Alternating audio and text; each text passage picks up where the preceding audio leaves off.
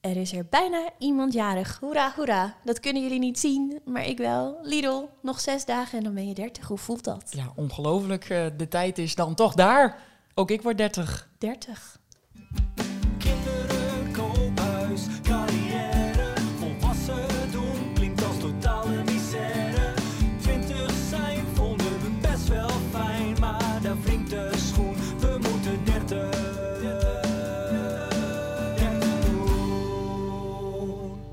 Hallo en welkom bij een nieuwe aflevering 30 doen. De podcast waarin Lidian en ik aftellen naar onze naderende 30ste verjaardagen en onderwerpen bespreken die daar op de een of andere manier iets mee te maken hebben. Maar mijn verjaardag is inmiddels alweer een paar maanden geleden, want we zijn een tijdje offline geweest. Ja, dat klopt. En eh, dan geef jij het woord natuurlijk aan mij. Want eh, Ja, ja, dat, dat, dat moet ik toch wel even toelichten. We zijn inderdaad een tijdje offline geweest. Eh, en dat heeft eh, ergens mee te maken wat, wat niet zozeer verbonden is aan 30 worden of 30 zijn, maar wat iedereen misschien wel een keer eh, in zijn leven meemaakt. Maar ehm, mijn relatie is eh, een paar maanden geleden uitgegaan. En nou ja, dus het was voor mij even lastig om nog vrolijk deze, deze podcastserie voor te zetten. Maar inmiddels zijn we een paar maandjes verder en durf ik het wel weer aan. Ja, maar we zijn dus wel een beetje roestig. Ik vind het gewoon spannend om in de microfoons te praten op dit Ja, dat heb ik ook wel een beetje. Maar goed, ik heb er ook wel zin in. Zin in, zin aan. Ja, want ik ben bijna 30. Ja. ja. En, en, en, en ondertussen, want het duurde extra lang, omdat ik tussendoor nog even een huis heb gekocht, wat super 30 doen is. Ja, want eventjes terug in de tijd. 14 oktober eh, werd jij 30. Ja. Hoe was dat uiteindelijk? Ehm, nou, de dag zelf eh, niet zo heel bijzonder, want het was gewoon een donderdag. Ehm, en ik voelde me wel jarig, maar het was niet heel spectaculair.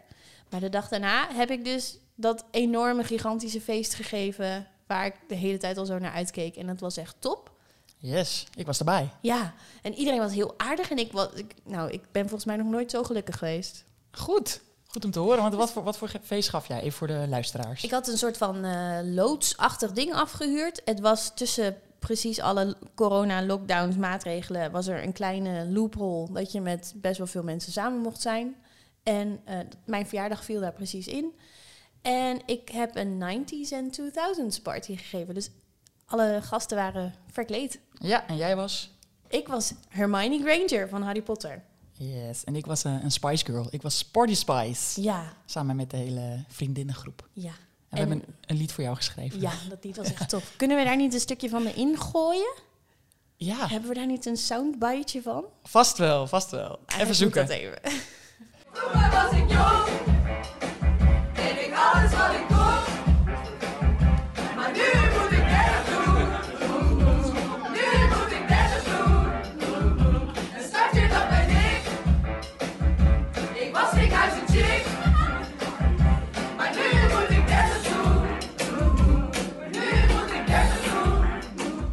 Dit was echt, echt de leukste verjaardag die ik ooit heb gehad. Oké, en hoe is het dan nu eh, voor jou om 30 te zijn? Ja, past me als een jas. Ja? Het gaat Dat- lekker. Dat is een uitdrukking, toch? Volgens mij wel. Oké, nou in elk geval, het, eh, het voelt goed. Het voelt goed. Ik ben rustig. Ja. Ja, was jij het- er ook klaar voor uiteindelijk? Ik denk doordat we de podcast hadden en aftellen en we nou, er ook wel over hebben gehad, waar we dan tegenaan zaten te hikken en wat we spannend vonden, dat ik er uiteindelijk daardoor wel heel erg klaar voor was. Ja, dat, dat heb ik nu ook wel. Ik denk nu, laat maar is wel komen. goed. Het is goed zo. Ja, Ja, Nou, dus dat is heel fijn. ja daar, heeft, eh, daar hebben deze afleveringen zeer aan bijgedragen, denk ik, in Ja. mijn geval. Hopelijk voor de luisteraars dan ook. Ja, dat hoop ik ook. maar, eh 30 dus, eh, voelt goed. Jij zei net al eventjes, ik heb zelfs ondertussen een, huis gekocht. Ja, Dat is nogal een, eh, nogal een dertigers ding. ja, was ook bizar, want de bezichtiging van het huis dat we uiteindelijk hebben gekocht, was drie dagen of zo na mijn verjaardag. Ja, En wij dachten dat dat gaat niet meer lukken, een huis kopen in deze tijd. Het was ook bezichtiging nummer 26, geloof ik. En ehm, het is gewoon gelukt. ja hoe blij was jij? Eh, huilerig blij. Als Ja. in echt, ja. Een emotioneel wrak. Een wrakje. Ja. Ja. En je woont er nu een week. Ik woon, ja, ik woon er nu net een week. We hebben de sleutels twee weken en ik woon er nu net een week en het bevalt echt goed. En voel je je daardoor ook nog meer dertiger? Of Ja. volwassener of zo? Ja. Ja, ik stond zo net, voordat we hier gingen opnemen, zeg maar even in de keuken te koken. En ik, Simon was boven op kantoor aan het werk. Het is Oh, echt jullie een super ja, het is echt een super degelijk rijtjeshuis gewoon. We woonden eerst in een hippe studentenwoning in de stad. Ja, En nu heb ik een degelijk rijtjeshuis in een buitenwijk. ja. ja, en ik ben daarentegen van een koopwoning naar een appartement eh, gegaan, wat ik nu huur. Ja, hoe voelt dat? Nou, ook wel goed eigenlijk. Ik, ik voel mij hier thuis. Eh, het is even anders dat je weer huurt. Maar daar merk, ik- merk ik natuurlijk eigenlijk ook helemaal niks van. Ja, ik ga het uiteindelijk in de portemonnee wel merken, vrees ik. Maar eh, ik heb een groot huis, dus ik ben er ook niks op achteruit gegaan qua oppervlakte. Dus het is goed. Ja, het is een mooi huis ook. Ja, we zitten in dat huis. Ja, dat, is een- het is een even andere plek. wennen, maar het is een ronde tafel. We zijn nu de podcasters van de ronde tafel. Juist. Maar wat gaan we vandaag doen? Ja, nou, ik heb een best wel serieus onderwerp bedacht voor de podcast. Want een paar dagen na mijn 30ste verjaardag plofte er opeens een brief op de deurmat voor het bevolkingsonderzoek. Een, een, Ja. een uitnodiging. En toen besefte, of realiseerde ik me eigenlijk dat eh, iedereen die net 30 is, die krijgt, alle vrouwen in elk geval, Ja. voor een check op baarmoederhalskanker. Ja. Ik weet daar helemaal niks van. Weet jij Nee. daar veel van? Nee, helemaal niet. Ik wist dat ook helemaal niet. Maar jij, jij zei dat, dus ik, ik verwacht die brief dan nu ook eh, volgende week of Ja, zo. als het goed is, krijg je die dan binnenkort. Dus ik dacht, leuk onderwerp, gaan we het over hebben. Ja, en als jij dat ook niet had gezegd, had ik dat echt niet geweten. Was ik ook heel verrast geweest. En het is toch, het is toch wel een heftig dingetje. Het is even een heftig dingetje. Dus we hebben vandaag twee gasten. We beginnen met een oude bekende. Mijn nichtje, maar ook artsonderzoeker Charissa Smit. Yes. Eh, die gaat ons vertellen hoe, wat en wat, wat het in godesnaam is allemaal. En wat ze gaan doen. En daarna hebben we journalist en columnist Rosa Timmer. Ja, en die? Zij heeft ehm, een voorstadium van baarmoederhalskanker is bij haar ontdekt. Ja. Als ik het goed zeg. Maar Rosa kan het straks vast beter uitleggen. ja, nou, dat gaan we straks aan eh, Rosa vragen. Gaan we nu eerst uh, Charissa Charissa even even bellen. bellen. Hi, met Teresa. Hallo. Hallo. Hey dames. Hallo. Hoe gaat het? Goed, hoe gaat Goed. het daar in Gouda? Ja, gaat ook goed hoor. Kleine knul ligt op bed, dus eh, alle tijd. Ja, want de laatste keer dat we jou eh, interviewden, toen was je nog hoogzwanger. Ja, toen was- zat ik in een heel andere staat. Er is een kleine, wat leuk. Ja, zeker. Kleine knul. Of nou ja, klein. mm, hij is groot, maar dat geeft niet. Het, eh, het is een mooie grote knul. En gaat alles goed? Ja, zeker. Het is echt ontzettend leuk om moeder te zijn. Dat heb ik zwaar onderschat. Onderschat. Ja, Hoe leuk het is of hoe zwaar het is? eh, hoe leuk het is.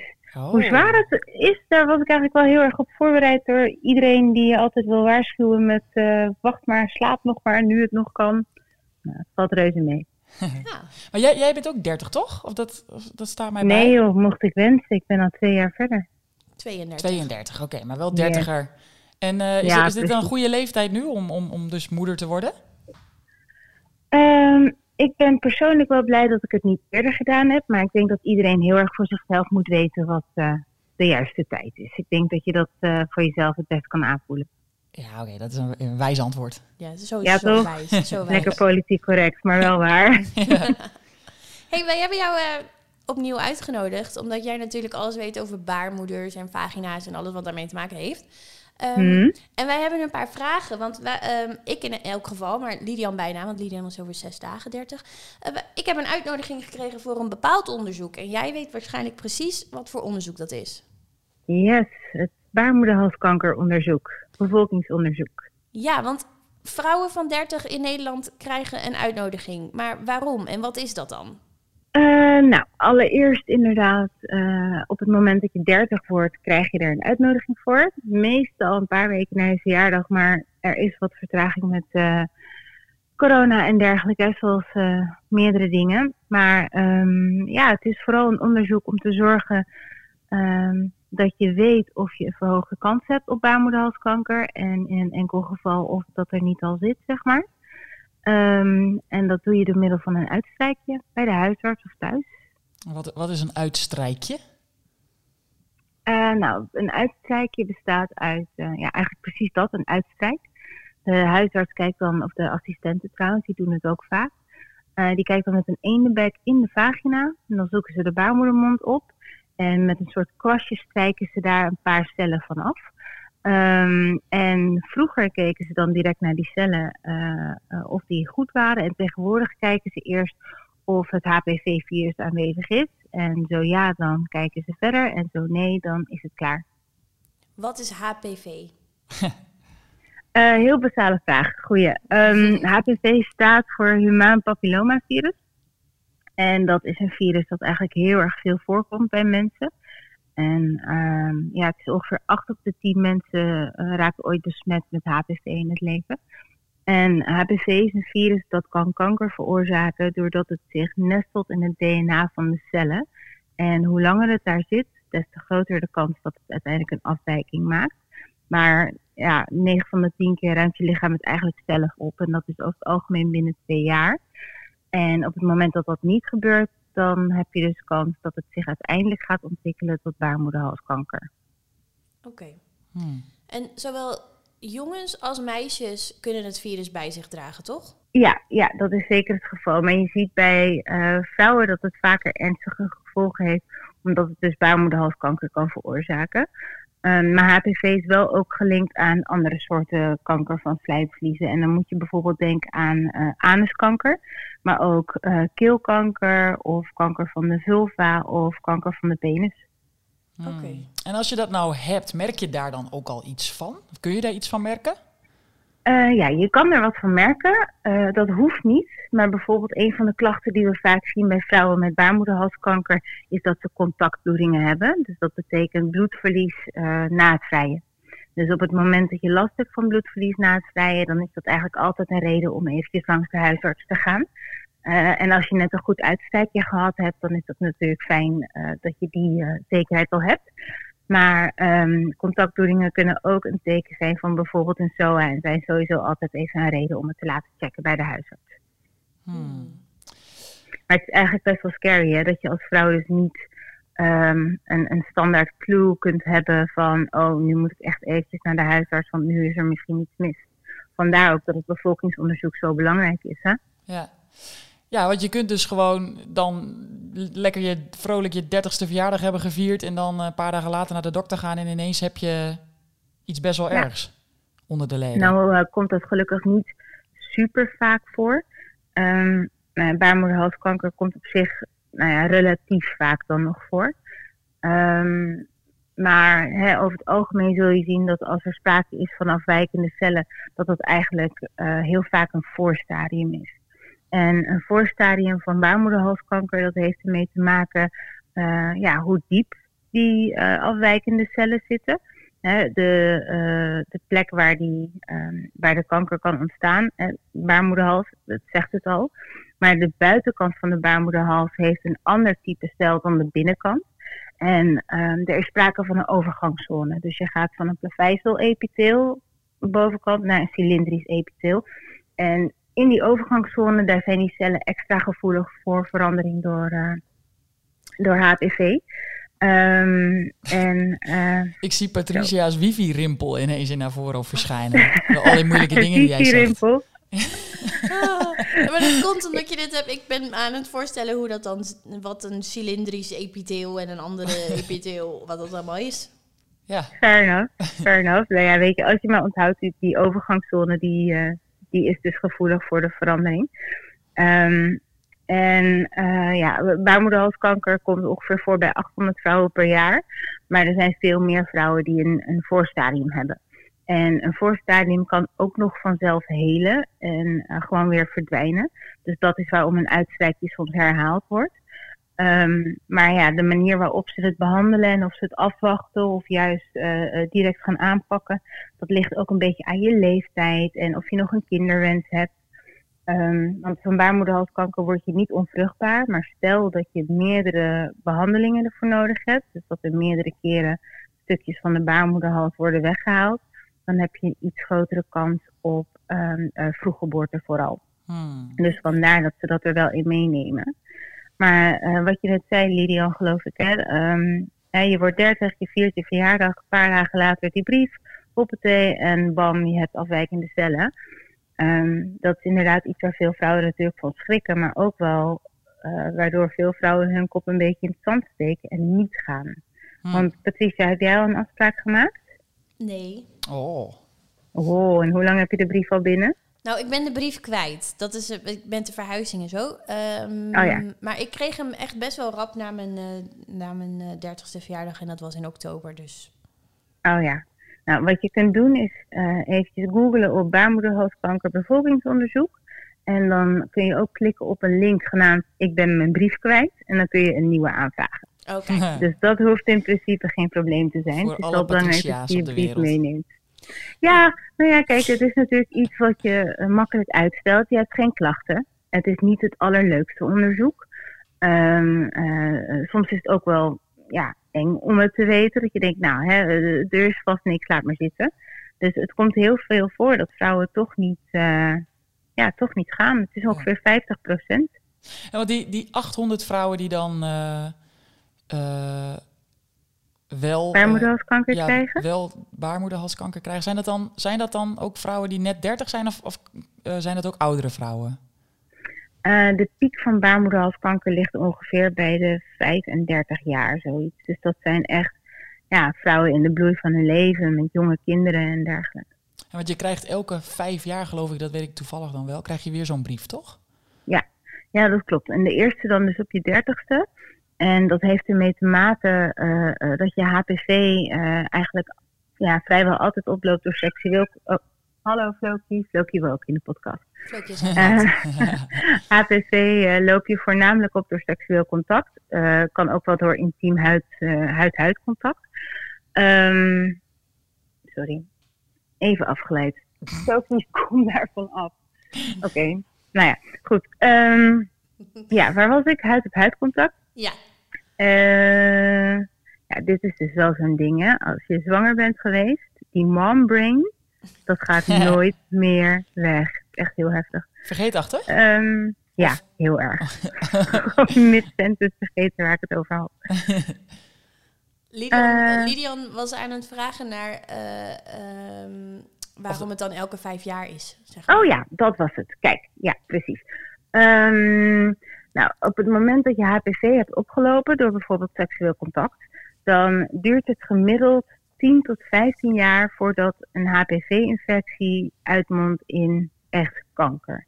Dus als je kijkt naar de gemiddelde leeftijd waarop de Nederlandse vrouw seks heeft, de seksarge noemen we dat, eh, dat is rond de 18 jaar. Dus nou, dan ga je tussen de 10 en 12, eh, tussen de 10 en 15 jaar zitten, tel je er 12 bij op, dan ben je dus 30 jaar.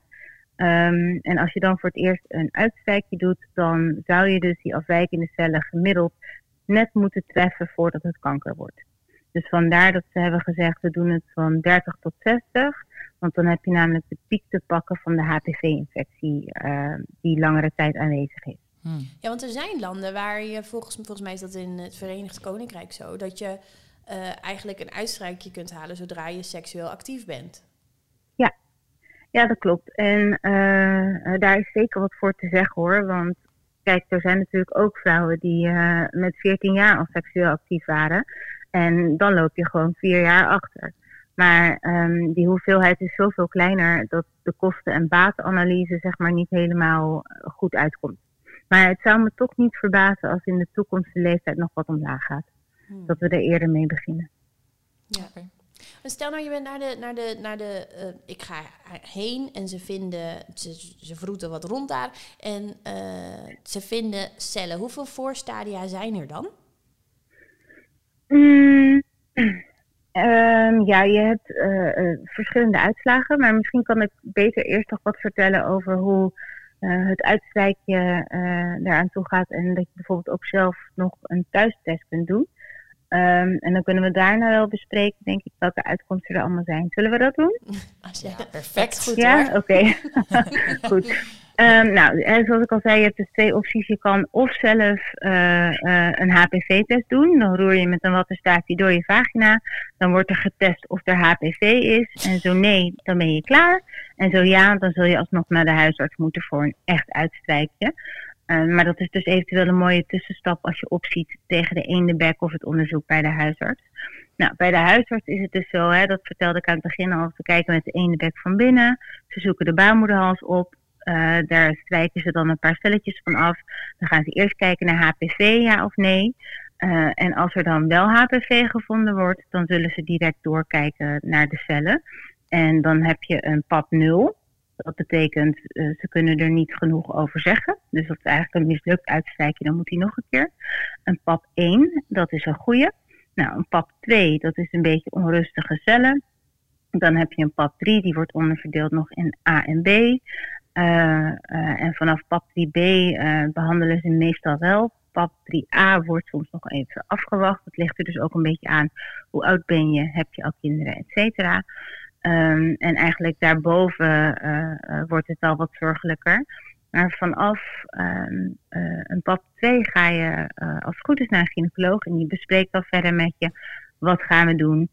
Welke type HPV is er gevonden? Gaan we bij jou het uitstrijkje nog een keertje herhalen over een half jaar? Of gaan we door met een colposcopie? En met een colposcopie bedoelen we dat ze dan in de vagina kijken, wederom met een eendebek. En dan stippen ze de baarmoederhals aan met een beetje azijnzuur. En dat klinkt misschien gek, maar ehm, eh, cellen die eh, eh, afwijkingen vertonen, die hebben wat meer eiwitten. En op het moment dat je dat aanstipt met azijnzuur, dan ligt dat wit op. En dan kan de gynaecoloog zien waar zij of hij hapjes vandaan moet halen. En die hapjes die worden dan onder een microscoop gelegd. Want een uitstrijkje, dat is het wegstrijken van cellen. Maar om te spreken van afwijkende cellen versus kanker, ehm, kanker moet je altijd zien in de context van het weefsel. Dus je hebt een bovenlaag, een middenlaag en een onderlaag. En zolang de afwijkende cellen niet door de onderlaag heen breken, heb je geen kanker, maar eh, afwijkende cellen, zeg maar. Op het moment dat het wel door de onderlaag heen breekt, dat is een kenmerk van kanker. Want kanker houdt zich niet aan de grenzen van het lichaam. Maar om dat te kunnen zeggen, heb je dus context nodig van het weefsel waar het in zit. Mhm. Nou, en soms zie je dan dat ze het niet kunnen vinden. Of dat het, eh, eh, dat het dus maar een beetje was dat het weg is. Soms zie je dat het toevallig compleet in het hapje zit. Dus dan ben je daarmee klaar. En als dat niet het geval is, eh, en het blijkt inderdaad wel baarmoederhalskanker te zijn, dan gaan ze verder kijken van hoe kunnen we dat behandelen. Dus is een stukje wegsnijden voldoende? Is een stukje wegbranden voldoende? Of is het uitgebreider en moeten we verder gaan kijken?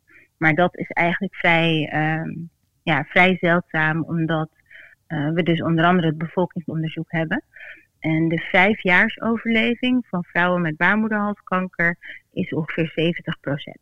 Oké. Dus het aantal vrouwen dat zeg maar ja, vijf jaar na de diagnose nog in leven is, is ongeveer 70 procent. En dat, dat uitsnijden, wegbranden, wat je nu allemaal noemt, is dat heel pijnlijk? Of valt dat, valt dat mee? Eh, dat wordt onder verdoving gedaan. Oké. Ja, dus het zijn, Dus dat, maar dat eh, zijn, zijn dat dan heftige ingrepen? Of, of is dat toch eh, eigenlijk ook wel weer zo gepiept? Ehm, nou, het is een beetje persoonlijk hoe je dat ervaart. Er zijn vrouwen bij wie het inderdaad eh, zo gepiept is en die zeggen, nou, hè, ik ben er goed van hersteld, prima. Ehm, maar er zijn ook vrouwen die bijvoorbeeld nog een nabloeding krijgen of waarbij het gewoon wat langer duurt voordat het geheeld is.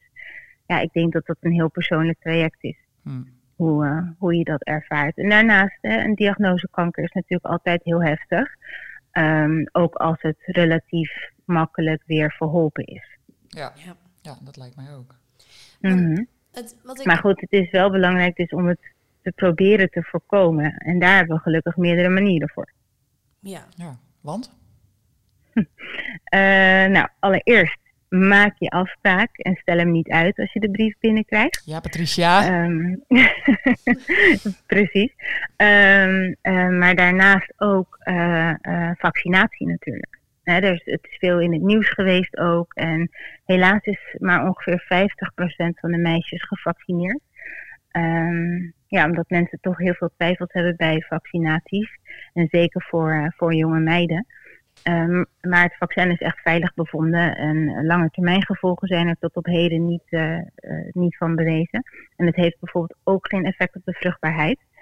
En op het moment dat je gevaccineerd bent, eh, de kans op baarmoederhalskanker is dan niet nul. Hè, want er zijn vele soorten HPV. Maar ehm, de hoogrisicovarianten die zijn meegenomen in die vaccins. En die zorgen echt voor een drastische vermindering van de hoeveelheid baarmoederhalskanker. Ik weet dus niet zeker of ik dat vaccin heb gehad. Ik weet nog dat dat toen in het nieuws was, maar volgens mij was ik toen al te oud. Kan dat? Ja. Ik heb het Ja, niet. dat klopt. Ja. Vol- volgens mij heb ik het niet. Nou, het- volgens mij zitten jullie inderdaad een beetje bij de scheidingslijn. Ik weet dat ik zeker weet dat te oud was. Maar het kan dus zijn dat de mensen die nu rond de 30 zijn hem niet hebben omdat ze net te oud waren. Ja, absoluut. Maar zeker. kon je het dan niet als, alsnog? Of moet je dus, eh, mag je niet ouder zijn dan? Nou, het heeft eigenlijk meer te maken met of je wel of niet al eh, besmet bent met HPV. Wat we weten is dat eh, een vaccinatie eigenlijk altijd nuttig is. Dus bijvoorbeeld eh, voor vrouwen die afwijkende cellen hebben en HPV hebben. en bij herhaling toch steeds vervelende uitstrijkjes houden. ehm, kan het zijn dat op het moment dat je het vaccin geeft, dat het afweersysteem daar even een boost van krijgt. En het dan in één keer wel Floki. en dan, we hebben het wel over poezen, hè, gelukkig. Ehm, dat het eh, afweersysteem het dan in één keer wel kan opruimen. Eh, dus ook voor vrouwen eh, eh, die al HPV hebben of hebben gehad, kan het zeker van nut zijn. Alleen, ja, wij moeten het helaas wel zelf betalen. En dat kost ongeveer 500 euro in totaal. Zo, dat is duur. Moeilijk. Mhm, Ja, ja. ja, ja, dat, dat doet helaas. natuurlijk niemand. Toch? Dat doet natuurlijk Mm. niemand. Sommige vrouwen die dus inderdaad eh, herhaaldelijk last hebben van uitstrijkjes die, eh, die niet goed zijn, die eh, kiezen er wel eens voor. Hm. Maar nog iets wat we kunnen doen natuurlijk is het vaccineren van jongens. En dat gaat vanaf 2022 ook gebeuren. Dus daar zijn we binnen de gynaecologie heel erg blij mee. Want jongens zorgen natuurlijk ook gewoon voor verspreiding van HPV. Oké, oké. Vanaf Ja. 2022, Ja, dus dit, nu dit jaar. Ja, dit is heel Ja. actueel nu Ah, eigenlijk. oké. Ja, klopt. Klopt, maar ik maak me er wel een beetje zorgen om hoor. Want de vaccinatiegraad onder eh, jonge meiden is maar 50%. En natuurlijk, alles is mooi meegenomen. Maar ja, ik vraag me af hoe bekend het is bij de meeste ouders dat jongens er ook kanker van kunnen krijgen. Hè? Wat ik net zei, keel, anuskanker, peniskanker. Dat komt ook, eh, ja, dat is ook HPV gerelateerd. Dus je beschermt de jongens zelf ook, maar ja, daarnaast ook de meiden. Maar ik vraag me af hoeveel mensen hun zoons gaan eh, vaccineren. Ja, zeker in deze tijd waarin vaccinaties en discussies daarover nogal hoogtij vieren. Ja. Ja, je ziet inderdaad dat mensen wel kritischer gaan kijken. En weet je, er is echt helemaal niks mis met de kritische blik. Als je maar wel weet eh, welke bronnen je als veilig en betrouwbaar bestempelt. En eh, daar gaat het denk ik vaak mis. Ja. Want Ja. het het op Facebook gestaan, dat is niet, eh, niet genoeg. Nee, hè? Nee. Nee. Oké. Ja, ehm, was er nog iets wat je heel graag wilde vertellen hierover, Charis? Nou, weet je, ik vind het vooral gewoon echt heel erg belangrijk dat eh, eh, als je het nou lastig vindt om naar dat onderzoek te gaan, doe dan in ieder geval de zelftest. En eh, steek je kopje niet in het zand. Want ja, weet je, baarmoederhalskanker, zeker de voorstadia, zijn echt uitstekend te behandelen. En het is het gewoon niet waard om in de bloei van je leven zoiets naars te moeten ondergaan, omdat je zo'n onderzoek hebt uitgesteld. Ja. Ik denk dat dat wel belangrijk is. Oh, en ik ben zelf echt heel erg voor ken je eigen lijf. En net als borstonderzoek, weet ook van jezelf eh, eh, hoe hoort mijn vulva eruit te zien, wat is voor mij normaal, eh, hoe voelt mijn vagina van binnen, hoe voelt een baarmoederhals.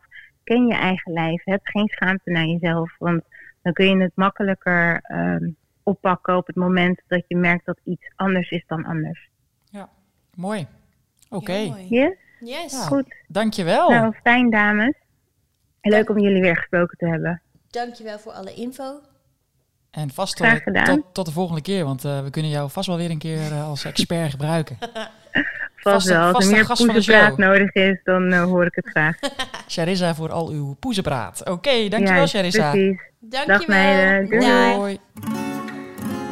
Even nostalgisch. Ja, het is weer tijd voor eh, even nostalgisch. In deze rubriek eh, blikken wij terug op de dingen die hartstikke super vet cool waren toen wij jong waren. En wij willen het eh, nu gaan hebben over kinderboeken. En we hebben inmiddels Rosa Timmer, die is, is aangeschoven. Ja, Welkom. dank je. Dank je. Ik ben blij dat ik hier ben. Wij zijn ook heel blij dat jij hier bent. Ik ben fan van het eerste uur, dat weten jullie wel, hè? Goed zo. Ja, dat weten jullie toch? Ik heb over jullie geschreven. Ja, da- daar zijn we ook hartstikke Ja, trots op. Wij stonden in eh, het eh, Meer magazine, toch? Mhm, Ja. Klopt. Ik heb ze naar iedereen doorgestuurd, eh, dat, eh, dat verhaaltje. Dat Ja. plaatje. Ja. Mhm. Cute. Maar kinderboeken. We gaan meteen even gewoon lekker, ja, lekker even door. door. in deze rubriek. En dan Even gaan we jou serieus. straks nog eventjes eh, gezellig introduceren. Goed. Maar nu even, even nostalgisch, hè? Kinderboeken. Weet jij nog wat jouw favoriete kinderboek was toen jij jong was? Nou, ik heb niet één, maar gewoon ehm, alles waarin het echte leven eh, voorkwam. Want ik zeg zelf altijd, ik ben niet echt kind geweest. Maar Carrie Slee, forever. Carrie Slee. En Voor dan, wel- altijd. en dan welke? Ja, ik heb Spijt gelezen, maar die was wel heel zielig over pesten, hè. Oh ja. Afblijven was volgens mij mijn favoriet. Dat was toch over een meisje dat heel dun werd en daarna volgens mij doodging door een ecstasy-pil of zo. Nou, of in elk geval flauw viel. Flauw- ja, oh ja, het, het werd helemaal Op de niet dansvloer. goed. Ja, ja. ja dus, Gezellig. ik Gezellig echt- Ja, ik, Heftige boeken wel. jawel, maar geweld. Ik hield van dat soort drama, zeg maar. Ja, ik Ik, las dat ook hoor. Jij dan? eh, Ja, ook. Ja. Ja, ook. Was dit dan ook jouw favoriete schrijfster of had jij Nou, nog andere? Het begon bij mij denk ik met de Hoe overleef ik serie. Van Eh, van Sine Omen. oh ja, Francine Omen. Hoe overleef ik de brugklas? Ja. En dat was extra leuk, want ik heb op de middelbare school gezeten, Kamerling Onnes. En dat speelde zich, zeg maar, zo heette de middelbare school volgens mij in die boeken ook. Oh. Ja, want Francine Omen heeft op het Kamerling Onnes in Groningen gezeten. Oh. niet. Net als Wibbel Okkels Aha. en Arjan Robben. Wauw, Kijk. Ja joh, daar zijn ze ook heel trots op. dat schudt ze zo even uit de mouw, hè, dit. Ehm, nee, dus dat vond ik heel leuk. Harry Potter, of course. Eh Carrie Slee heb ik ook gelezen, maar was inderdaad wel altijd vrij dramatisch. Ehm, ik las gewoon heel Paul veel. van Loon. Ja, ook. Al Weerwolfje. Griezelbus. Oh, ik had Griezelbus 1 tot en met 60 of zo. Eh, Ja. Het was geweldig. Kippenvel. Ja, ook. Oh ja, kippenvel. Dat las ik ook allemaal. Ik, eh, ik las ook graag Simone van der Vlucht. Of Vught, ik twijfel even. Ik zie ze ook nu in mijn eh, boekenkast staan, of in ieder geval één. Vlucht. De Slavenring zie ik staan. Dat, dat waren allemaal historische romans. Historische Hoe kinderromans. oud was jij toen je acht was? Was je toen al 80 in je hoofd of zo? ik snapte kinderen nooit als ze dat soort dingen lazen. Waarom zou je dat doen? Ja, vond ik heel interessant. Gewoon wat er vroeger gebeurde. Hoe het leven er vroeger uitzag. Ja, was ook maakt jou dat nou uit als je acht of tien of Ja, maar ik, whatever ik las ook, ook, ook eh, Carrie Slee en zo hoor. Oké. Maar wat, wat maakt nou zo'n historische roman leuk voor jou als kind? Ja, ik denk dat ik, dat ik het heel tof vond om mij helemaal te verplaatsen in vroeger. En hoe het leven er, er toen uitzag. Dat vond ik ja, interessant. Dat was, dat was anders. Ja, en, Ja. Dat, en het was wel echt gebeurd. Dat ging dan bijvoorbeeld eh, over eh, Jeanne d'Arc. Daar is Mhm. ook een boek van. En dat is wel... Het, ja, het, is, het heeft ooit echt plaatsgevonden. Dat vond ik wel interessant om te weten. Mhm. Toen al, ja. Wauw. Ja, Die- ik hield ook van eh, een beetje meer, ja, nou fantasy of, of echt wel fictie. Eh, ik zie daar nu ook eh, Thea Beckman, Kinderen van Moeder Aarde staan. Dat ging over een soort nieuwe wereld die dan na de na een of andere kernoorlog eh, was de, de aarde ontploft en toen ontstond er een nieuwe aarde met een hele nieuwe indeling en een heel nieuw systeem en dat vond ik ook altijd heel mooi. Wauw. Wauw. Is Thea Beckman niet ook van eh Kruistocht in Spijkerbroek? Ja. Of Brieven aan de Ja. Koning? Ja. Of allebei? Ik heb dat met heel veel moeite Kruistocht, uitgelezen. Kruistocht in Spijkerbroek. Ik, want ik las echt acht boeken per week als kind. En dit, ik kwam er gewoon niet doorheen. Ik dacht, wauw, ik heb iets gevonden wat ik echt verschrikkelijk vind. Thea Beckman. ja. Dat snap ik oprecht niet. Nee, ja, ze schrijft ook hartstikke goed. Het ligt ook echt aan mij. Maar gewoon, hi- gewoon historische dingen. Ja, ik ben nog steeds geen fan van. Alle historische verhalen doe ik ook niet bij de krant. Maar hoe kan dat dan bij jou? Nou, jij hebt wel ges- geschreven over eh, de, Tweede de Wereldoorlog. Toch? Ja, ja, maar dat, dat is maar 25 jaar geleden. Dat vind ik niet zo historisch, zeg maar. Toen hadden de mensen ook al gewoon eh, mobieltjes en zo. Oké. Denk En ik. dat, dat, dat is dan een beetje jouw eh, richtlijn. Ja, De ja. mobiele telefoon. dat ik zelf ook al een beetje bestond of in de maak was. dat is wel een beetje mijn richtlijn voor wat ik nog interessant vind. Ja. Maar je vindt het niet interessant om te weten wat er heel vroeger Nee, gebeurde? st- ijstijd, steentijd, dat soort dingen. Nee hoor, dag. Ja, en jij dan? eh, Ja, Patrice? nee, dat, ik vind dat wel interessant. Maar ik moet zeggen dat ik, ik vond toen ik jonger was, ook Kruistocht in Spijkerbroek, vond ik helemaal niet leuk. Interesseerde me helemaal niks. En nu nog steeds. Het, ehm, ik- mijn muzieksmaak is slecht, maar mijn smaak in boeken is ook vrij slecht. Ja, Ja. hoezo? Nou, ik lees het liefst gewoon echt young adult, eh new adult, eh fairy, feeën, s- sexy stuff. Sexy Sexy, stuff. wat is Ja, de laatste? Ik ben geïnteresseerd. Ja, maar je hebt dus een hele... Dat is nu op BookTok ook heel groot. TikTok voor, voor boekliefhebbers. Ehm, maar er zijn gewoon een aantal vrij goede schrijvers eh, in de fantasy-fictiewereld... die eh, ook seksscènes en zo heel cool omschrijven. Nou, vind ik leuk om te lezen. Mhm. Ja, in die, in die historische eh, romans van eh, Simone van der Vlucht. Vlucht. Vlucht. eh, ik herinner mij dat daar de, de eerste, het eerste hoofdstuk, daar wordt, er, wordt een meisje verkracht. En ik vond dat dus... Dat klinkt heel, heel raar, maar... Wat ik komt vond er dat- nu? Ja, ik, ik vond dat wel toen heel boeiend allemaal. Van, hè, wat heftig. Ik vond het toch, dat greep mij dan toch aan of zo. Dat vond ik toch Mhm. interessant om te lezen. Maar mijn vader, die was meester in groep 7. En die vroeg toen een keer aan mij of ik nog een leuk boek had eh, om voor te lezen. Dus had ik dat, had ik dat boek gezegd. en dus hij begon te lezen. Toen was het meteen die verkrachtingsscène. Dus hij kwam thuis en zei, nou, dit is toch geen boek om voor te lezen. Dat is toch met dat boek gebeurd, ja, dat bedenk ik nu.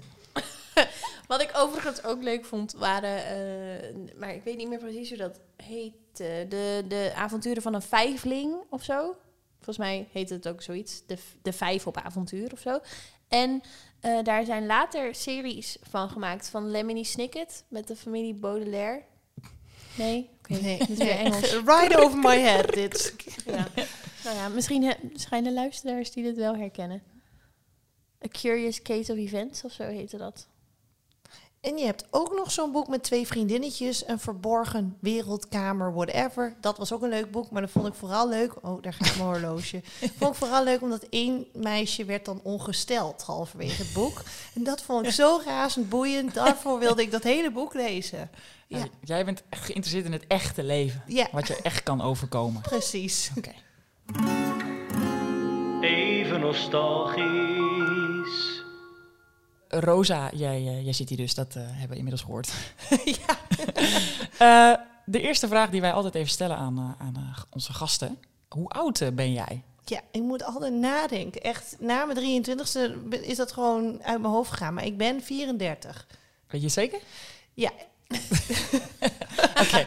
En weet jij dan ook nog eh, hoe het voor jou was om 30 te worden? Ja, dat weet ik wel. Toen was ik echt eh, in the shape of my life. Ik had echt heel erg gesport.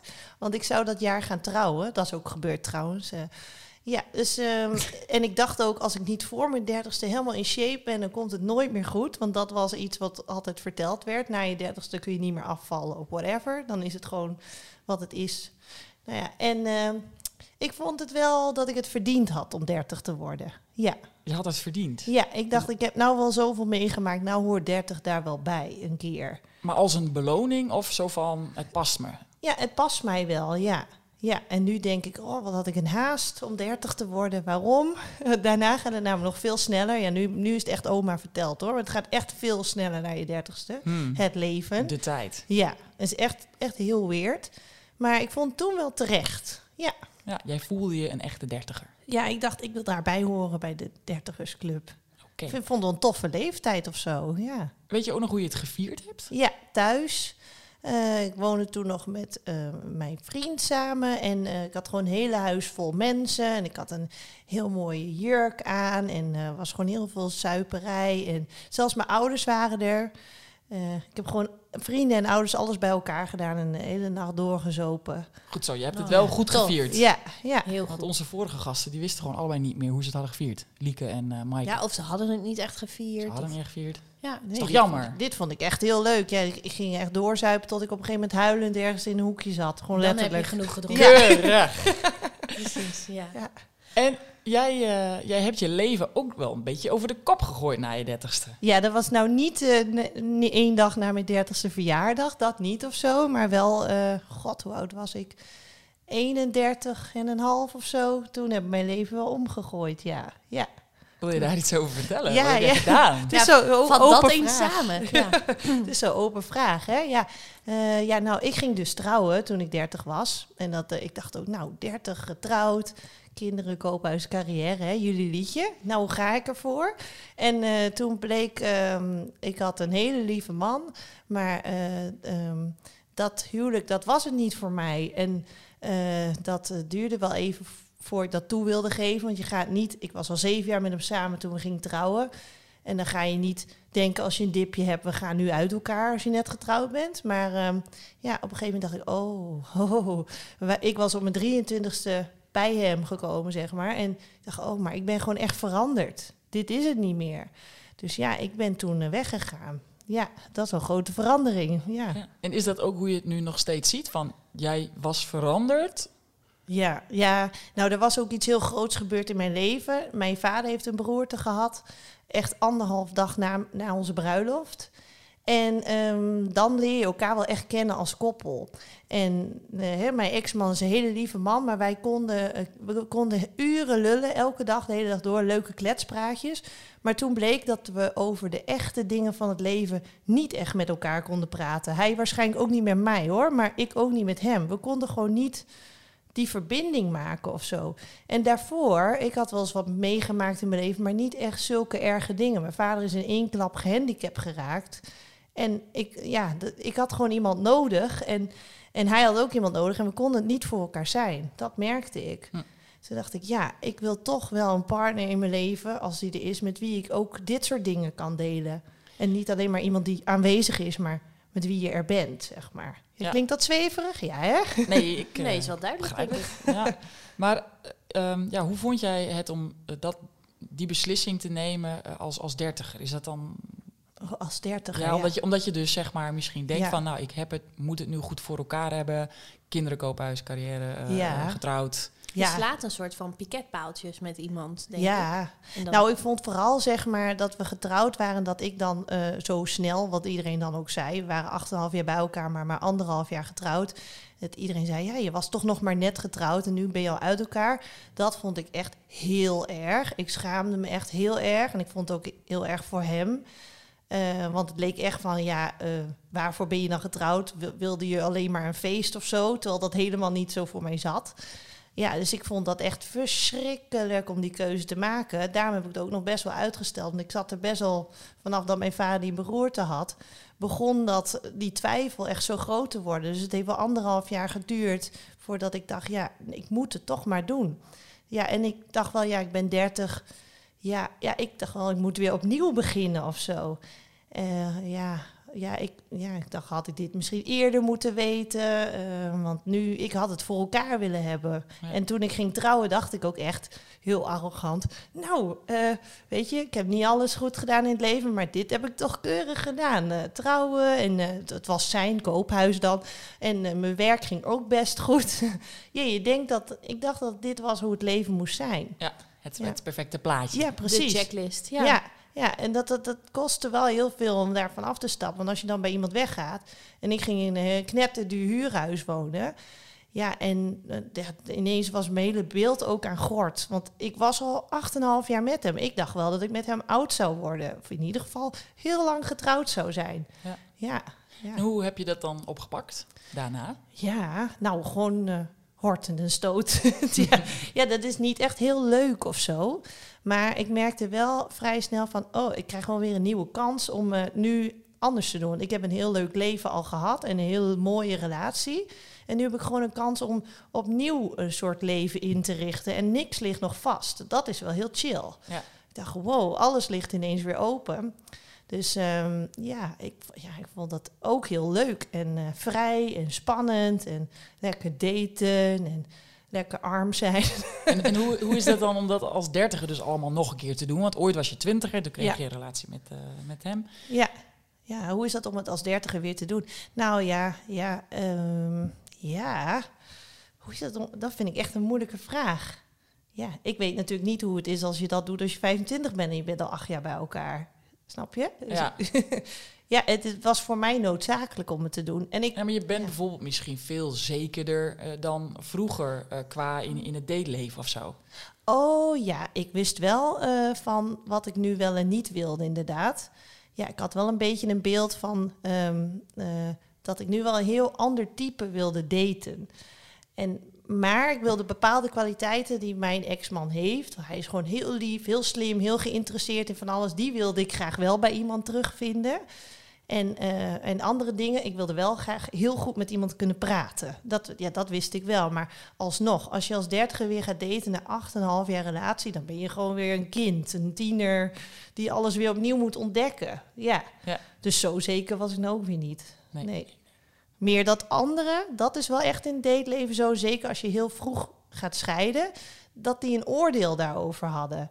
Van eh, eh, je bent gescheiden, oh, hoezo getrouwd? D- daar vinden mensen echt wat van. En wat vind jij daar dan van? Wat, wat voel je daarbij? Ja, ik vond het echt kut. ja, dat soort kortzichtige mensen. Ik was ook zeg maar, als zij een oordeel over mij hadden, dan voelde ik dat heel erg, omdat ik het zelf ook vond. Van ja, wat heb ik nou eigenlijk gedaan? Ik heb een fout gemaakt en zo. Nu zie ik dat niet meer zo hoor. Maar toen schaamde ik me er ook wel voor. Ja, ik wou er wel eerlijk over zijn. Ik ga niet na een half jaar daten pas zeggen dat ik... Dat, dat, ik was toen nog getrouwd. We zijn heel lang nog wettelijk getrouwd geweest. Dus dat ga je niet geheim houden. Maar ja, schaamde me wel een beetje ervoor. Ja, maar goed, dat soort mensen. Ik heb ze wel een beetje... Hoe zeg je dat? Weed them out. Ja. Ik zei het gewoon op tijd. En als ze dan heel lullig reageerden, nou succes ermee. Ja. Maar je houdt dat toch op elk vlak dat mensen oordelen hebben, meningen, dat je daardoor een bepaalde druk voelt. Ja, zeker, ja. Ja. Ja, ik vond ook niet dat ik het zo keurig had gedaan, eerlijk gezegd. ja, dat had beter gekund, ja. Ja. Ja, maar dat is altijd achteraf. Ja, zeker, ja. Maar dat vond ik zeg maar toen. En nu denk ik, ja, ik deed toen het beste dat ik kon. Mhm. En ik vind ook goed dat ik gewoon rap wel weg ben gegaan. Mijn ex-man heeft nu ook een heel leuk leven. Hij heeft een kindje gekregen, hij heeft een fantastische vriendin. En ik ook. Ik denk, ja, goed zo dat ik op tijd ben weggegaan. Want als ik later was gegaan, was het misschien niet zo gelopen. Ja, Dus jij zegt ik ook, jij, jij hebt nu een vriendin. ja, Dat is ook even een verandering. ja, dat, nou, dat is een verandering. Ja, dat is zeker een verandering. Ja, dat is anders. Maar die bevalt goed. Ja, die bevalt heel goed, ja. ja, op een gegeven moment eh, had ik het wel gehad met de man op Tinder. En toen heb ik meisjes Tinder aangezet, ja. Maar die, die, die switch maak je niet, niet zomaar, toch? Nee, ik borrelde dit al een tijdje. Heb je al eerder geëxperimenteerd? Hoe ging dat? Ja, joh, ja, tuurlijk heb ik wel geëxperimenteerd. Maar ik dacht altijd, oh ja, ik experimenteerde alleen maar. En ik, eh, ik word niet verliefd op meisjes, dacht ik. Ik vind het alleen leuk om seks met ze te hebben. ja, dat dacht ik. Ja, ik moet zelf wel een beetje om lachen nu achteraf. Maar eh, ik, mocht van, ik mocht van mijn ex-man ook wel eens met een vrouw zoenen. Dat deed ik dan ook. Eh, Dat deed ik wel fanatiek, zeg maar. nu zie ik dat pas. hè. Ik had echt niet door dat eh, dat gevoel zo sterk in mij leefde. Maar wat was het? Waarom zet ik meisjes Tinder aan? Ja. ja, volgens mij had ik ergens... Nee, nee, ik heb gewoon meisjes Tinder aangezet. Omdat ik dacht, ga het eens proberen. Ja, En dat beviel. ja dat beviel heel goed. Man, ja. ja nee, hartstikke- vrouw. Sorry. Maar zou, zou, je, zou je ook, eh, dat vind ik dan toch, toch altijd wel even een interessant eh, gebied, thema, dingetje. Z- eh, zou je dan nu ook nog een man kunnen daten, mocht je vrijgezel zijn? Of zou je dan nu alleen voor de vrouwen gaan? Ja, ik, ik denk dus van, dat ik geen man meer zou daten. Want ik heb dus nu een vriendin, maar ik heb eerder ook een vriendin gehad. En zeg maar, tijdens die vriendin dacht ik al, oh, ik vind dit veel leuker. Hmm. Zeg maar. Toen dacht ik, ik vind mannen leuk, maar dit is wel echt next level. Dus eh, waarom zou je dan nog teruggaan naar het lage level? Ja, Hè, waarom zou je teruggaan naar de Opel Astra als je een Audi hebt gehad? juist. Lekker vrouwen met auto's vergelijken, want waarom niet? Maar je, je, je kunt dus, dat, daar ben jij het bewijs van, eh, na je dertigste eh, je leven nog helemaal over de kop gooien. En, Ja. en ook nog weer heel gelukkig worden en zijn. Ja, heel gelukkig. Ja, natuurlijk. Ja. En ook nog echt verliefd worden. Dat je echt dacht, wauw, wist niet dat dit ooit nog zou gebeuren. Zo verliefd. Terwijl ik toch wel 80 miljoen keer verliefd ben geweest. Mooi. Het is wel bijzonder, want je bent dan nu 34, maar dat jij in de Ja. afgelopen vier jaar stappen hebt gezet.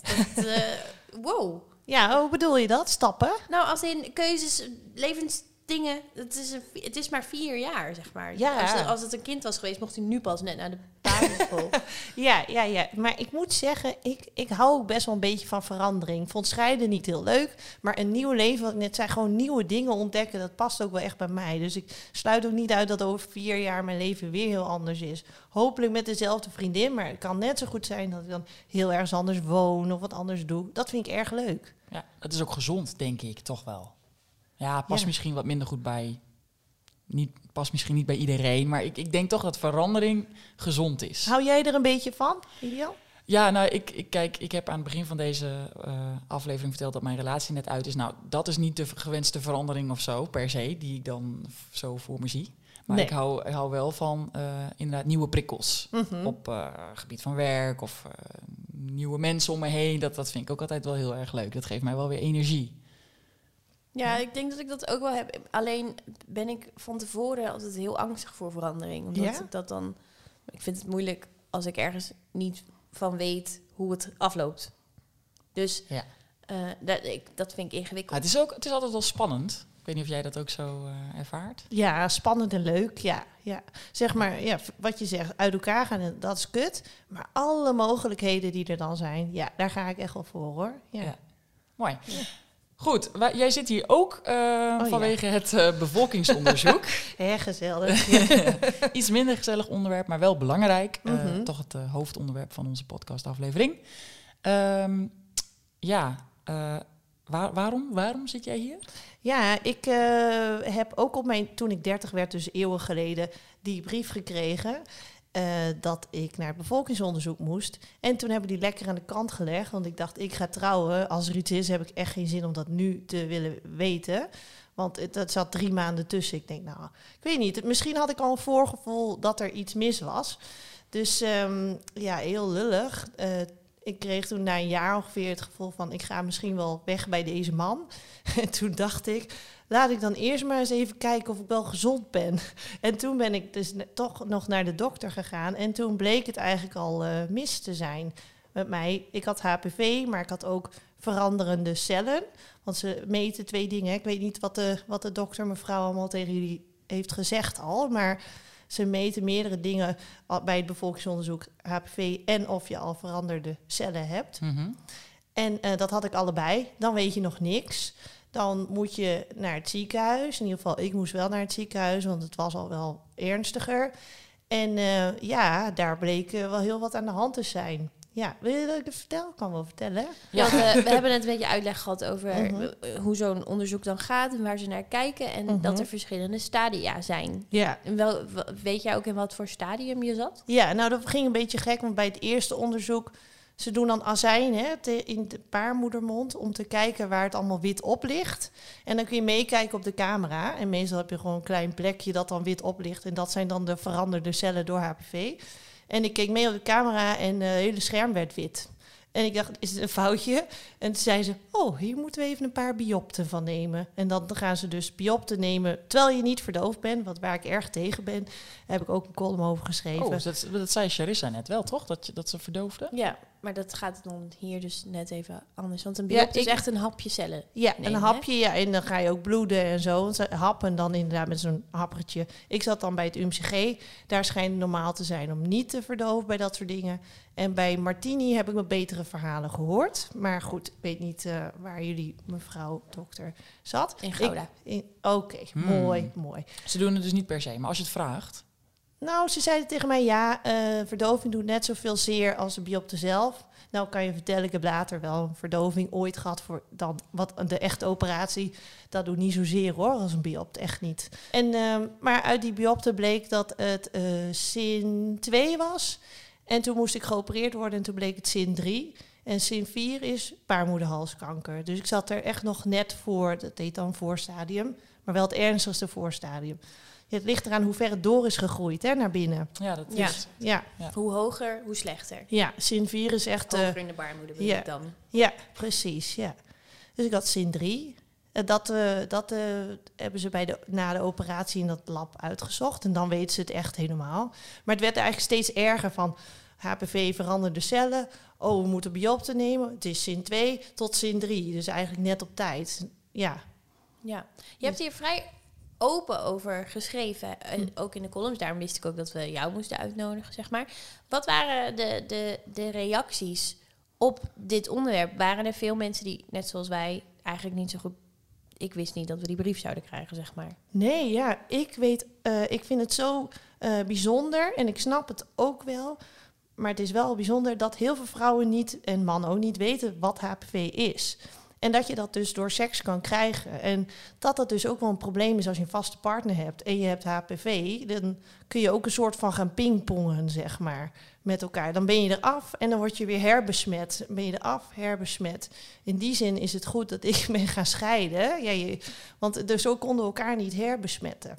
Dus eh, eh, ja, ik ben er daarna afgeraakt. Maar ja, de reacties op de column. Ehm, ja, heel veel vonden het eh, dapper, kwetsbaar. Ik, ik hou eigenlijk niet zo van die woorden, want ik vind niet dat het dapper moet zijn om over zoiets te praten. Ik vind dat moet veel meer in die open zijn. En mensen vonden het ook, oh ja, te intiem heb ik ook veel gehoord. Te intiem, moet dit nou? Waarom moeten wij dit weten? Dat soort dingen, ja. Nou, ja. eh, voor al die mensen die er zo over denken, wij moeten dit weten, zodat wij dit weten en weten wat we kunnen verwachten. En het is gewoon normaal. Ja, ja, ja, ja, zoveel procent van 80 procent of zo van de mensen krijgt HPV. Alleen heel veel mensen krijgen daar niks van. Het ligt eraan of je dat virus zelf klaart. Hè? Maar ik merkte er dus helemaal niks van. Hè? Ik was dus al best in een ver stadium en ik had nergens last van gehad. Ik had nooit pijn bij het vrijen. Ik had geen. Even een niche. Goeie timing dit. Ik kon hem niet inhouden, sorry jongens. Even de corona is hier uitgespreid. Heeft zij ook verteld over wat, wat je voor symptomen je kunt hebben als je, als je HPV hebt en het is al wat verder? Ehm, ja, een paar. Ja, Maar ook dat het dus heel normaal is om helemaal niks te merken. Ik had echt nergens last van. Echt nergens. Echt nooit tussentijds bloedverlies, niks, nergens pijn, nooit. Ja. Toen jij eh, dat hoorde, wat, wat, of dat witte scherm zag, wat, Ja. wat vond je daar toen van? Ik schrok me echt dood. Ik dacht, wat? wat is hier gebeurd? Ja. En eh, ze namen ook gelijk vier biopten. Eh, Meestal doen ze één. Zonder verdoving. Zonder verdoving. Ja, ook nog door zo'n artsassistent. Ze moeten het leren, ik weet het wel. Maar dat ging dus in zes keer. Omdat het een paar keer mis had gehapt. Hartstikke fijn. Ja. Oh, Ja. Maar waar hap je dan als je mishapt? ja, dan hap je ernaast. Terwijl je In de die- labia's. Nee, niet in de labia's. je bent ver voorbij de... Je bent er binnenin, hè? Maar Ah ja. Ja, je bent duidelijk geen lesbi. Daar zitten de labia niet. nee, ja. Dus eh, ja, wat, wat was de vraag? waar ze dan happen? Oh ja, ja, in de baarmoedermond. Ja. Auw. Ja. ja, dat doet gewoon zeer hoor. Ze zeggen ja, daar heb je niet zoveel zenuwen. Nou, nou. Ik vind dat echt weer een voorbeeld van een zorg die alleen maar op mannen gericht is. En vrouwen moeten maar hun bek houden. En pijn, dat bestaat niet bij vrouwen. Ja, de- daar heb ik wel mening over. Ja. Maar ja, je schrok. Ja. Ja, ik schrok ja, heel erg. En zeker toen de uitslag met de onderzoek en na de operatie steeds erger werd. En ook toen ze zeiden de snijranden zijn niet schoon.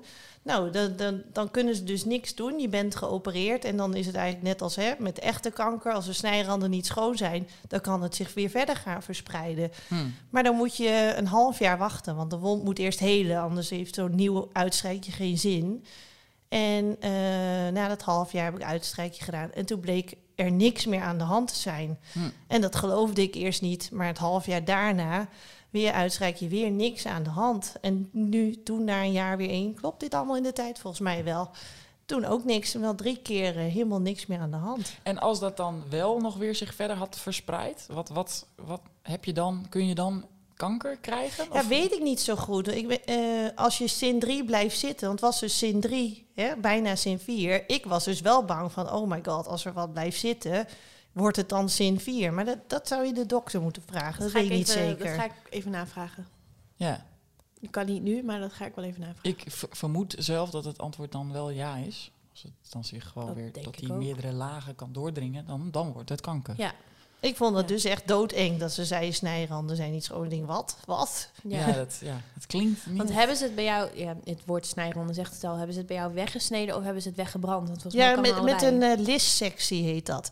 Ja, dan eh, doen ze met iets van een iets onder stroom of zo. Je krijgt ook geleiders op je benen. Je bent dus allemaal wakker. Hè? Weer zo'n voorbeeld van zorg voor vrouwen is echt barbaars. Je bent wakker en dan gaan ze gewoon allerlei dingen doen. En dan gaan ze met een soort ronde eh elek- eh, ja, ik weet niet hoe dat elektrocauterisatie. Nu weet ik niet of ik het goed zeg. Dan gaan ze het wegbranden inderdaad. En eigenlijk halen ze gewoon een, een, een, lapje eraf, alsof je een worst snijdt. Ze proberen zeg maar alleen de goede cellen over te houden. Dus gewoon een lapje eraf en dan, eh, ja. Ja, dan moet, ja. Maar ik moet zeggen, ik ehm, zit hier onvrijwillig een beetje samen te knijpen, Ja. zeg maar. Want het klinkt allemaal heel eng. Maar ik neem aan dat jij wel groot voorstander bent van laat je checken. Eh, ja, ja, tuurlijk ben ik daar voorstander van. Ik ben alleen niet blij met hoe de zorg daar was geregeld. Nee. Maar ik hoor dus dat in Martini veel beter is. Daar heb ik later een keer een interview over gedaan voor mijn werk. Toen dacht ik, oh, ik had daar gewoon heen moeten gaan. Ja, Dus, eh, jij werkt, dat hebben we volgens mij nog helemaal niet verteld, bij het eh, Dagblad van het Noorden. hè? ja, Mhm. klopt.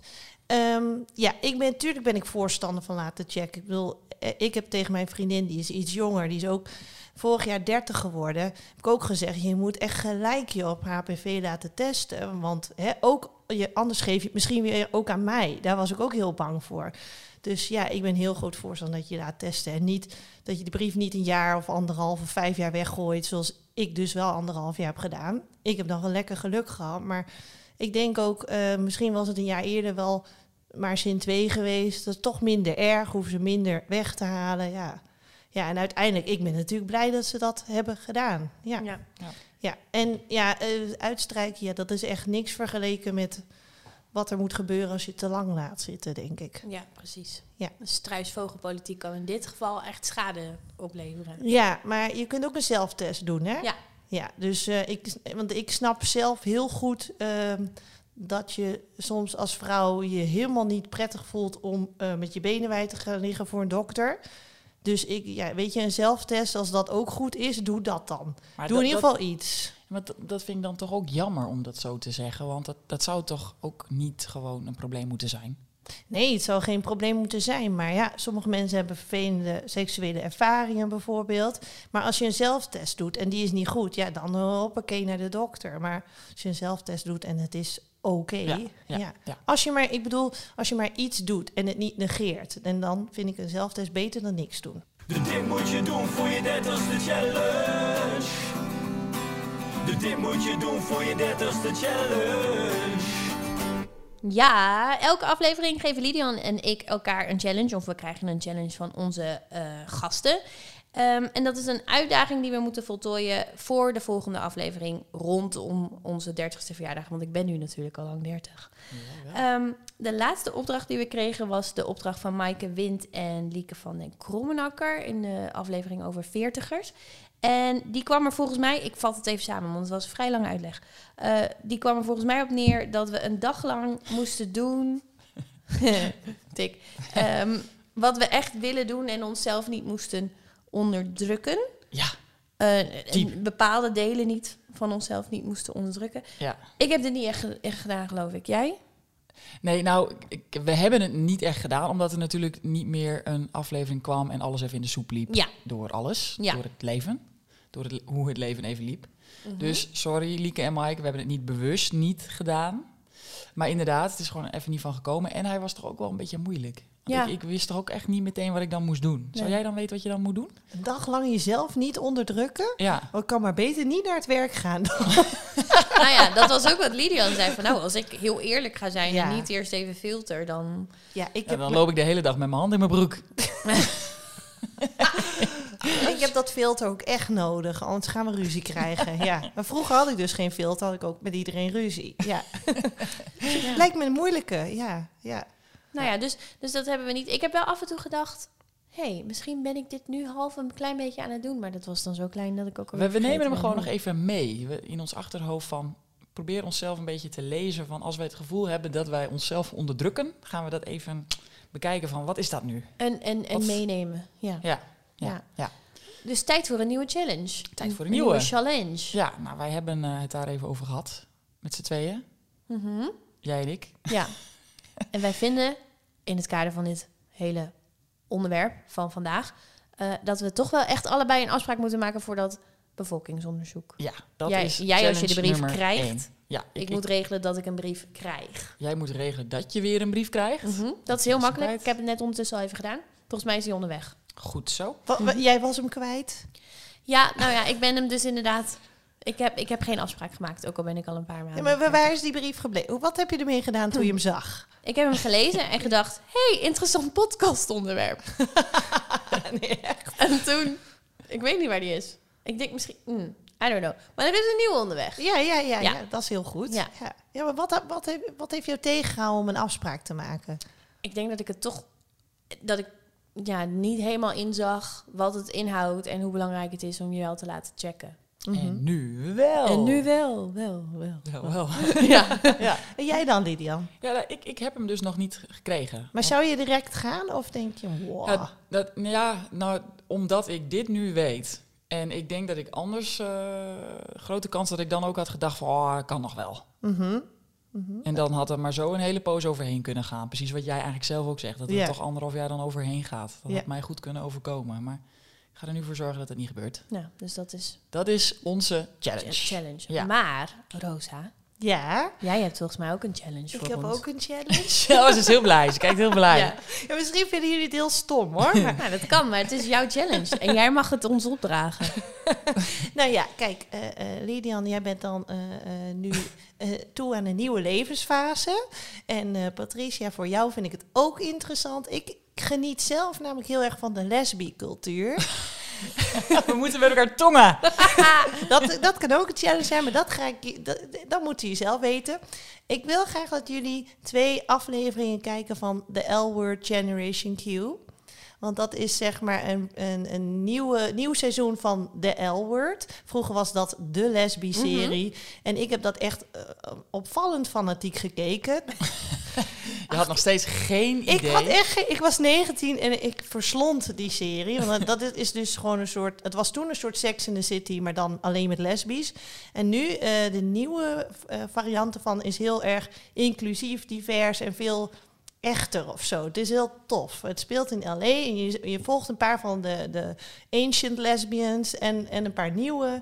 En eh, ik ben benieuwd wat jullie van die cultuur vinden. Ik Want ben benieuwd. Ik herken er heel veel in. Hè. We hadden net een voorgesprekje waarin jullie het woord bijvoorbeeld strap-on niet wisten. Maar Want dat jullie- is dus... Jullie? Dat, oh, sorry, Patricia wist het wel. En Lydia die keek Ik me weet aan niet of ik dat huh? zo trots moet verkondigen. Tuurlijk wel. Ja, Ja, toen je het Nederlandse woord zei, toen wist ik natuurlijk meteen. een voorbinddildo. Ik ben gewoon slecht in Engels, dat blijkt wel weer.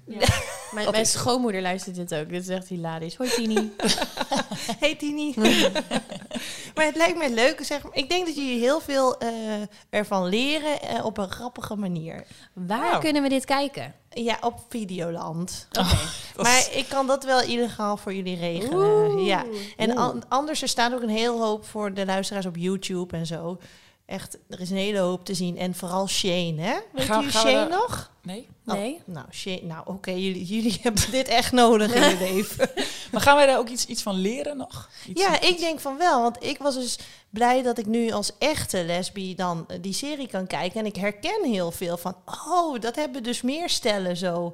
Ja, je herkent een beetje de dynamiek. Ik ben natuurlijk hetero-relaties gewend. En nu in één keer denk ik, wauw, er is een hele andere wereld. Dus je leert een beetje dynamiek van eh, lesbi-relaties. En wat ze bezighoudt. En wat dus bepaalde dingen zijn die ze gebruiken. Zoals. en wat niet. Ja, Dus oké. ja. Ik vind het goeie. Ik vind het ook een goeie. Iets kijken. Leuk. Ja, toch? Ja. De dit moet je doen voor je dertigste challenge. De dit moet je doen voor je dertigste challenge. Nou, volgens mij was dat weer een aflevering. Eh, Volgens mij ook. Ja. nou, we hebben de microfoons weer afgestoft en eh, volgens mij ging het best wel lekker, toch? Ja, we we kunnen het weer- nog. Ik, ik, ik vond het leuk. We kunnen het nog. Ja, Ehm, volgens mij is het een best lange aflevering ook. ja volgens Dus mij ook. als je er nog bent, wat leuk.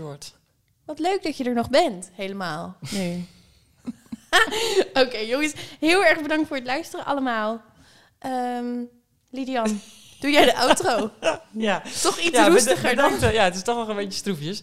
Bedankt eh, voor het luisteren, inderdaad. En eh, mocht je nog een idee hebben voor een volgende aflevering of, of voor een challenge, dan kun je altijd naar onze Instagram-pagina gaan, 30 doen. Of naar onze privé-insta's, Lidian Boelens of Patricia met twee Aas, A's op het eind. en Een E. IE. Ja. Ja, nou die dus. Daar moet je heen. Niemand gaat dit ooit vinden. Nou ja, en eh, daar, eh, daar laten wij ook eh, eh, weten op, eh, op onze eigen Insta, 30 doen, wanneer er weer een volgende aflevering komt. Komt die er? Ja, toch? Tuurlijk. We gaan gewoon even lekker toch? Kijk, Ja, tuurlijk. we hebben fans. Precies. En we zijn nu 30 dan straks. En dan, Ja. eh, Dan zijn we kunnen het aan het doen. Ik moet in elk geval dat ook nog wel weer even gaan vertellen natuurlijk, wat ik daar dan weer van vind. Ja. Als Dus. ik 30 ben. Want jij wordt heel binnenkort 30. Zondag! Ja, oh, waarom Zes hebben we het niet over hoe je dit gaat vieren dan? Ja, Ja, dat waarom- hebben we helemaal niet verteld. Nee! Nee! Doe maar. hey Lilian, hoe ga jij je verjaardag vieren? Ja, ehm, ik ga lekker skiën. Oh, wauw. Ja, Chill. ik, ik ga naar Winterberg met eh, een groepje vriendinnen. Patricia is daar niet bij. Ik heb geen geld meer. nee, Ja. je bent verhuisd. Ja. Jij hebt wel een koophuis, hè? Ja. Jij wel. Eh, nee, ik heb eigenlijk ook geen geld meer, maar het leek me toch wel leuk om, eh, om te skiën. Dan klinkt het net alsof het mij niet leuk lijkt. Nee, we gaan lekker skiën en eh, met, met een groepje van eh, zes vriend- meiden zijn we.